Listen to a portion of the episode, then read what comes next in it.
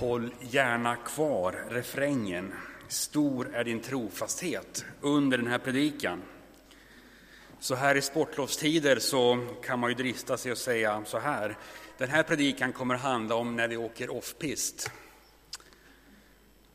Så glöm inte tonen Stor är din trofasthet. Jag heter Peter Lundin och jag är medlem i den här församlingen. Och jag kommer, som Jonathan sa här, säga några ord om den kämpande tron. Och, men innan jag gör det så vill jag också be. Gud, vi tackar dig för att din trofasthet är stor. Herre, inneslut oss i din kärlek och ditt beskydd. Amen. Jag vet inte vad du tänker på när du hör ordet den kämpande tron. När jag börjar fundera på det hela så är det ju lätt att man tänker på någon som kämpar för överlevnad. Man är på defensiven. Man eh, är på reträtt. Men därför tyckte jag det var viktigt att Jonathan fick läsa här om att rusta sig för kampen. För Guds folk är inte ett folk på reträtt, utan Guds folk är ett, ett folk som ska eh, gå ut med det glada budskapet.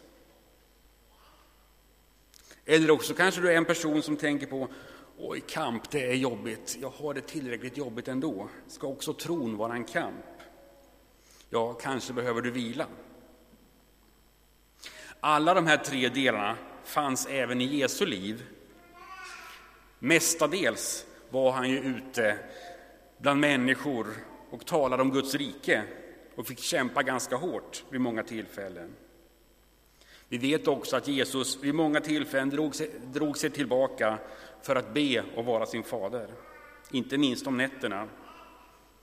Och vi vet också att Jesus i Getsemane i påsken bad Gud, är det möjligt att slippa det här så vill jag det. Men han sa också, om det inte är det så gör som du säger pappa. Ja, alla de här tre delarna är trons kamp. Både att rusta sig och gå ut i tjänst. Ibland är det ett försvar för överlevnad och ibland är det en viktig tid av återhämtning efter en offensiv. Texten för idag är hämtad ur Korinthierbrevet som Paulus skrev. Och eh, vi ska besöka den församlingen och jag tänkte ge några, en liten bakgrund kring hur det var i den här församlingen. Paulus inleder med att säga, det är fantastiskt vilken församling ni är. Alla nådegåvor som anden har finns i er församling. Det är fantastiskt. Tänk att få ett sådant vittnesbörd om sig. Det är inledningen. Sen så kommer väldigt många kapitel då som handlar om problem i församlingen. Det handlar om prostitution, avgudadyrkan, dålig ordning vid sammankomsterna, Ja, till och med så dålig ordning så att när det var firades nattvard så var en del redan fulla innan gudstjänsten var slut, medan andra svalt. Det fanns en andlig tävling vem som hade flest nådegåvor. Och därför skrev ju Paulus kapitel 13, ja, eller 13 fanns ju inte då, men det som handlar om kärlekens lov, det som brukar läsas ofta vid bröllop. Ledarskapet var svagt. Man bråkade om, om eh, Paulus eller Petrus eller, eller, eh, eh eller pa, Paulus eller Apollos eller Petrus var bästa talaren. Ja, det var en ganska stökig församling. Men ändå så bekänner sig Guds ande så att det saknades inte någonting av nådegåvorna. Så Paulus skriver den här texten för att eh, fostra och ordna till och liksom tala om att så här ska det inte, så här ska det inte vara, utan eh, ni behöver rätta till det här. Och sen mitt i ett långt textstycke av förmaningar så kommer det en fantastisk och härlig vers. Och den ska vi läsa nu, och det är den trettonde versen i Korinthierbrevet 10. Då står det så här. Era prövningar har inte varit övermäktiga Gud är trofast och han ska inte låta er prövas över er förmåga. när han sänder prövningar visar han er också en utväg, så att ni kommer igenom den. Wow! Antagligen hade väl någon i församlingen eller några i församlingen tyckt att det, ja, det är stökigt här, det är jobbigt, det här är en större prövning än vi orkar med. Och så får de denna fantastiska hälsning från Paulus att det, det är ingen fara. Och den här bibelversen har säkert sänts till många missionärer och predikanter som har varit ute i, i tjänst och sagt att eh, var med nu och kämpa trons goda kamp. Gud låter inte prövas över din förmåga. Men jag tycker texten skaver. Är det här en text som handlar om det kristna livet i allmänhet? Att det inte kan bli för svårt? Är det en garanti mot att eh, vi inte ska ha det dåligt? Och gäller den här texten för alla människor i alla tider? Eller är det ytterligare en förmaning till församlingen att eh, ja, ni gnäller lite grann över att det är trassligt här i församlingen, men än så länge har det inte varit så illa. Ja. Den senaste månaden har jag brottats med den här texten. Jag tycker texten provocerar ganska rejält. Så när jag bläddrade i Bibeln så tittar jag på en annan text från Jeremia kapitel 12 och vers 1. Där Jeremia säger så här. Herre, du skulle få rätt om jag tvistade med dig Ändå vill jag ställa dig till svars. Varför har den gudlöse framgång? Varför lever bedragaren i trygghet? Jag tycker Jeremia är ganska tuff här. Han inser att han kommer att förlora matchen. Och ändå säger han, jag måste, jag får inte ur mig det här.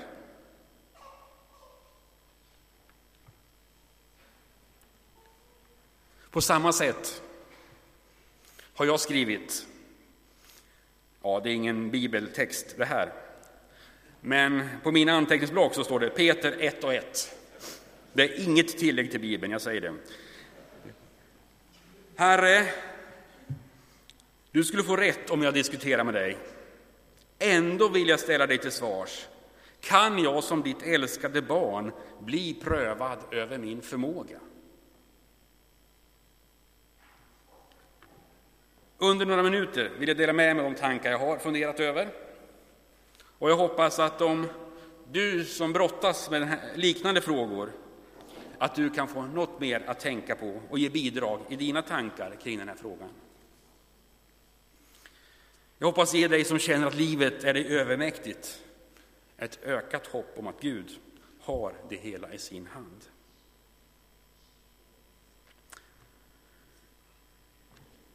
Och jag skulle vilja fundera på den här frågan utifrån fyra nyckelord eller nyckelbegrepp.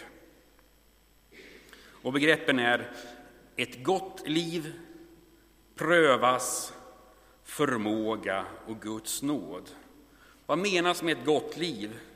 Vad menas med att prövas? Vad menas med förmåga?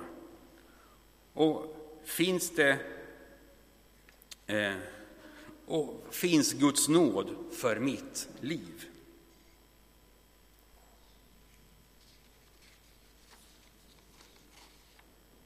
Och vi börjar med det första.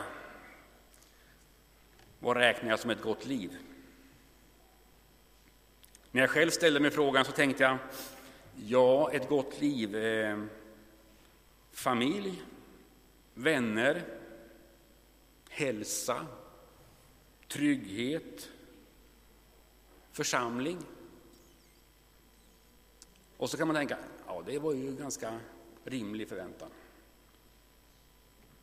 Men vi vet också att det absolut inte är självklart om vi tittar över vår värld. Vad räknar du som ett gott liv? Vilka är dina krav på ett gott liv? Vem jämför du din livsstil med? Vad hämtar du inspiration för hur du ska leva ditt liv? Det är bara du som kan svara på den frågan för din egen del. Men det kan vara bra att samtala med varandra, några nära vänner, om våra förväntningar på livet och vad det leder till. Vi lever ju i en, en tid och ett land som präglas av materialism, sekularism och individualism. Vi ska inte tro att vi är immuna mot det budskapet. Det går åt rätt mycket bön och bibelläsning för att hålla jämna steg med den mediala propagandan som säger att jag ska utan Gud tillgodose alla mina behov genom en bra konsumtion.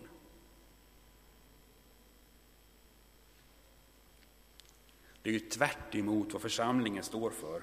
Om vi får tro Anton som predikade förra veckan här och sa att församlingen är gemenskap, öppenhet och generositet. Bibelns budskap är att livet är större än det materiella som vi kan se runt omkring oss. Det finns gott och ont. Kunskapen är på gott och ont och vi tvingas navigera genom många etiska dilemman med vår kunskap. Jag säger inte att kunskap är något ont, jag säger bara att det finns gott och ont, om någon skulle tveka på det. Bibeln säger också att livet omfattar en större uppgift än att tillgodose våra egna behov. Människan har inte själv förmåga att övervinna det onda. Det onda i världen ska besegras genom Jesus Kristus. Och vi är med i den kampen. Vi kan inte vinna den på egen hand. Den slutliga segern ligger i Guds hand. Tron är inget feelgood-budskap. Tron omfattar högsta glädje och djupaste sorg. Tron väjer inte för det onda, den befriar oss inte från det onda, den följer med oss i det onda. Och den har och den kommer att besegra det onda. Man kan ju undra om den har besegrat det onda. Och många gånger har jag hört liknelsen om andra världskriget och dagen D, landstigningen vid Normandie, då man ansåg att nu alla de eh, kunniga människorna och bedömarna om krigets utgång visste nu att nu är Tysklands tid förbi. Men ändå eh, utkämpades de mest blodiga striderna efter dagen då segern var vunnen. Det kan också vara en beskrivning för den tid som är efter Jesu död på korset. Det finns saker att göra även om utgången på Marschen redan är klar. Ja, beroende på hur vi räknar vad som ett gott liv så får vi olika möjligheter att klara de prövningar, utmaningar och frestelser vi ställs inför. Så rådet är ju att sök finna en rimlig förväntan på ditt liv. Och ett råd som eh, ofta ges till människor som har farit illa eller som upplever att sitt liv är för tufft, det är ändå att hitta någon form av försoning för det liv som, som det nu är.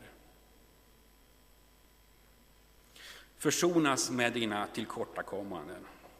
Försonas med dina misstag. Försonas med det, de saker jag gjort fel. Lämna din offerroll. Försonas med din förövare. Och det är den enda vägen till att bli av med sin bitterhet. Ibland brukar man höra orden tiden läker alla sår. Jag tror definitivt inte att det är så. Tiden läker inte alla sår, men däremot tar det tid att läka alla sår. Och sår som inte behandlas blir värre med tiden.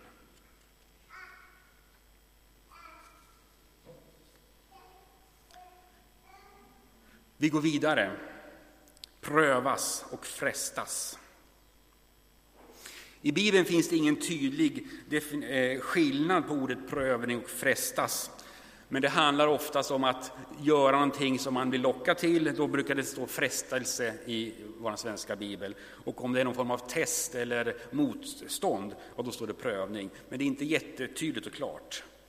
Ett ord som eh, är lite mittemellan då skulle kunna vara ordet påfrestning. När livet frestar på. Ja, och då står det i motsats till vår förmåga då, om påfrestningen är större än vår förmåga. Lite förenklat kan man säga att prövningen kommer från Gud och frestelsen från det onda. Eh, det är inte heller riktigt så om man läser i vår svenska bibel att det blir tydligt för oss. Ett annat sätt att se på de här eh, orden är att säga att en frestelse det är en möjlighet som börjar med glädje och slutar med sorg. En prövning det är en omöjlighet som börjar med sorg och slutar med glädje. Men om vi tittar lite djupare i de här orden så ser vi genom Bibelns berättelser att Guds prövningar är nödvändiga. Guds prövningar syftar till att vi ska få en sannare bild av oss själva och den värld vi lever i och vem Gud är. En eh, central berättelse i Bibeln handlar om Jobb som blir av med all sin egendom och alla sina vänner. Och i slutet av Jobs bok, 42 kapitel senare, långa diskussioner, så säger Job så här, nu har jag sett dig som du är.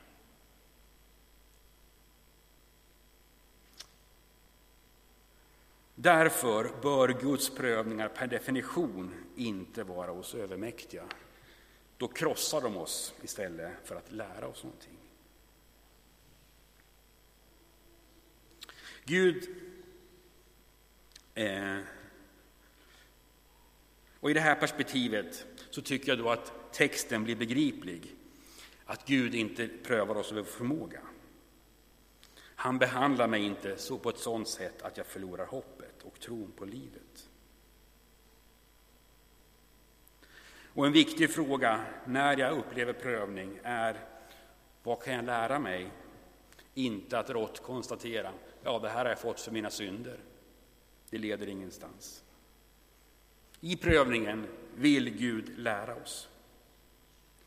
Det ondas prövningar och frestelser syftar till att vända oss ifrån Gud, sätta oss själva i centrum. Helst vill det onda få oss till slavar i ondskans armé. Den ondes prövningar syftar inte till att vi ska överleva vår tro. I kampen med det onda är, det vår, är vår förmåga otillräcklig. Vi måste ha Guds kraft med oss. Det är enda chansen vi har att klara prövningen. Av Bibelns berättelse och vittnesbörd från vår egen tid vet vi att det är en kamp på liv och död. Men vi vet också att det finns räddning. När jag var liten så eh, var det väldigt vanligt att vi fick eh, vittnesbörd från människor som hade kontakter med eh, kristna församlingar i Sovjetunionen. Och eh, berättelserna var ganska otäcka över hur de kristna då behandlades i den ateistiska staden. Det handlade om förföljelse och tortyr. Och jag insåg snabbt, som tio år kanske jag var, det här kommer jag aldrig att klara. Det var också berättelser om människor som levde i drogmissbruk och eh, på olika sätt. Och eh, många fina vittnesbörd i tältmöten gjorde att man blev ganska så skräckslagen som barn där. Så jag formulerade en bön som barn. Gud, oavsett hur jag kommer att synda, om jag blir knarkare eller förnekar dig under tortyr, rädda mig.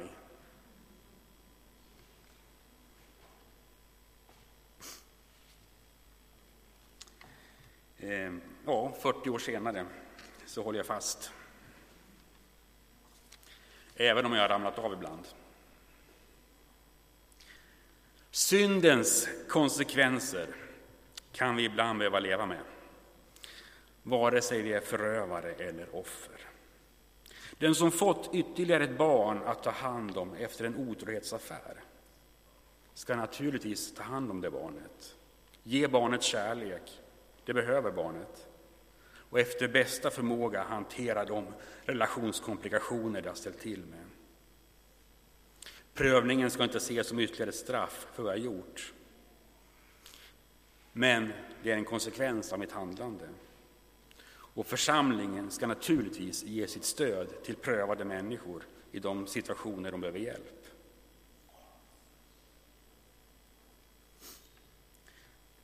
Det är naturligt att känna fruktan inför prövning. Jesus lärde oss att be i bönen Fader vår. Utsätt oss inte för prövning utan rädda oss från det onda. Och Jesus bad själv i ett semane, är detta möjligt att slippa? Så länge vi vill komma åter till Gud i vår prövning finns det hopp för oss. Hela Bibeln är ett rop från Gud till människan. Vänd om och kom till mig. Prövning och lidande är en del av den bibliska historien på samma sätt som det är en del av nutidshistorien. Nu lever vi i en tid då mänskligt lidande kommer närmare eh, Sverige än vad det gjort på länge. Även om det skulle vara skönt att blunda för det hela är det inte säkert att vi kan blunda för länge. Vi behöver vaka och be över vad, som, vad vi kan göra. Och jag blir glad över församlingens engagemang och stöd till vårt land när samhället genomgår en prövning. Vi behöver öva vår förmåga att hantera den här prövningen medan vi kan och inte vänta tills vi är en del av den. Då kommer vi till det tredje ordet, förmåga.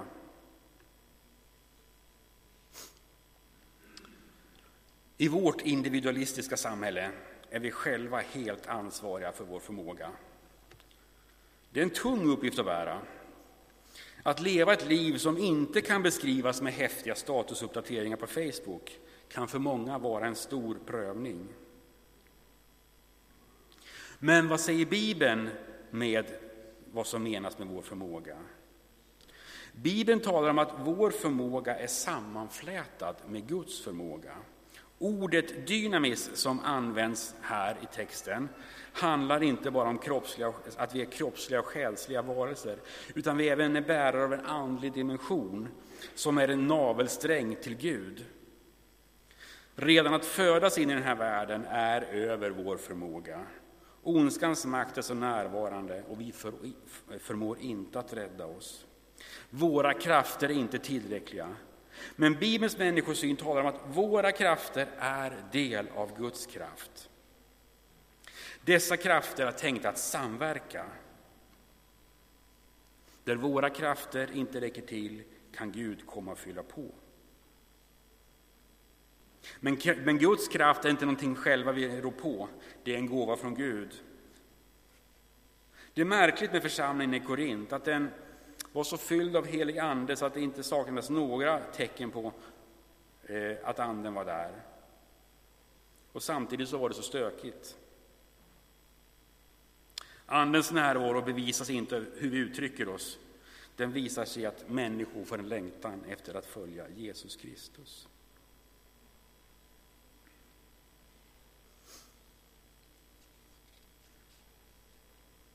En vanlig fråga i själavårdssamtal är Mitt liv är svårare än jag klarar.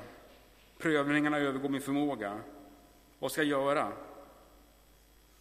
Att i det här sammanhanget säga Gud prövar inte någon över sin förmåga och det finns andra som har det värre, ger ingen lindring för den prövande.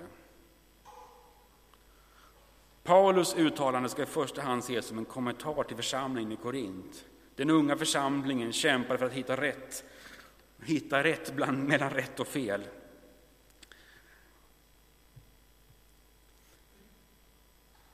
Än hade man inte nått gränsen. Det fanns större prövningar att vänta. I inledningen av det andra brevet till Korint så säger Paulus så här. Jag vill att ni ska klart för er, bröder, hur svårt vi hade det i Asien. Jag pressades så långt över min förmåga att jag rent av misströstade om livet. Det var när de var i Efesos, och man kan läsa om den händelsen i Apostlagärningarna. Här säger ju Paulus att han uttryckligen pressades över sin förmåga. Kan vi då öva upp vår förmåga? Ja, öva dig att ständigt söka Kristus. Gör det medan du själv har makten över dina tankar. Då är du tränad att klara det i prövningens stund.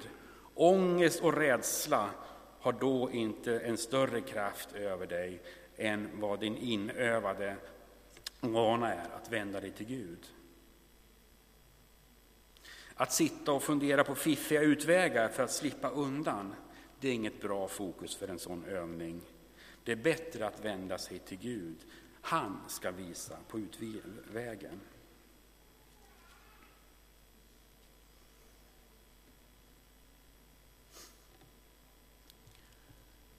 En annan bild ifrån eh, nutiden det är ju att man ibland får spola rutan på bilen för att man ska kunna se framåt. Vår kraft och Guds kraft är som blandningen då mellan vattnet och eh, spolarvätskan.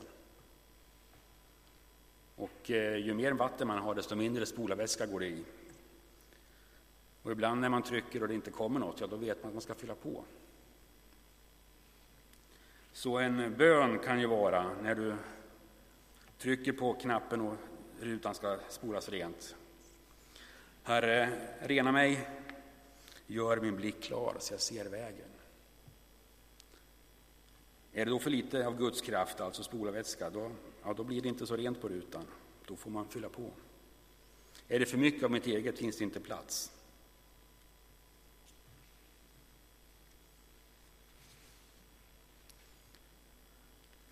Vi går vidare till det sista ordet, Guds nåd. Dietrich Bonhoeffer är en tysk teolog som talade om billig och dyr nåd. Han levde i det tidiga 1900-talets Tyskland under första och andra världskriget. Och billig nåd är rättfärdiggörelse av synden, inte av syndaren.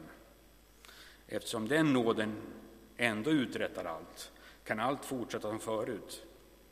Billig nåd är nåd utan efterföljelse, nåd utan korset, nåd utan det levande Jesus Kristus, han som blev människa. Och han menade att den tyska kyrkan eh, levde i det här därför att man underordnade sig nazismen. Dyr nåd är det evangelium som alltid måste sökas på nytt. Gåvan vi måste be om, dörren som vi måste knacka på för att det ska öppnas. Den är dyr därför att den kallar till efterföljelse. Den är nåd därför att den är Jesus Kristus som kallar oss att följa. Den är dyr därför att den fördömer synden och den är nåd därför att den rättfärdiggör syndaren. Därför är vår längtan tillbaka till Gud nödvändig. Men det är också hoppet om att det går att komma tillbaks till Gud. Bonhoeffer var med vid ett par attentat mot Hitler, själv personligen. Som eh, vi vet av historien så lyckades inte de här attentaten. Men Bonhoeffer säger att den dyra nåden måste även gälla när vi väljer mellan två onda ting och råkar välja fel, trots bästa intention. Bonhoeffer hängdes strax innan krigsslutet i fängelset han satt i. Gränsen mellan rätt och fel är inte alltid så lätt att se. Men Gud söker oss även långt utanför kyrkornas gemenskap. Om dina handlingar har stökats till av din tillvaro i prövningens stund, likt en tsunami som sköljt över ditt liv. Eller när sjukdom har märkt dig så att du inte kan se, känner igen din spegelbild. Eller om pressen på dig varit som en inlandsis Och när den dragit sig tillbaka så har landskapet för din värdegrund ritats om. Ja, då finns den dyra nåden för dig. Då finns den, för den rättfärdiggör syndaren, men den dömer synden. Vänd om till Jesus. Lev som det finns gräns mellan gott och ont. Men om du trampar fel eller kommer fel, vänd om. Guds nåd räcker utanför.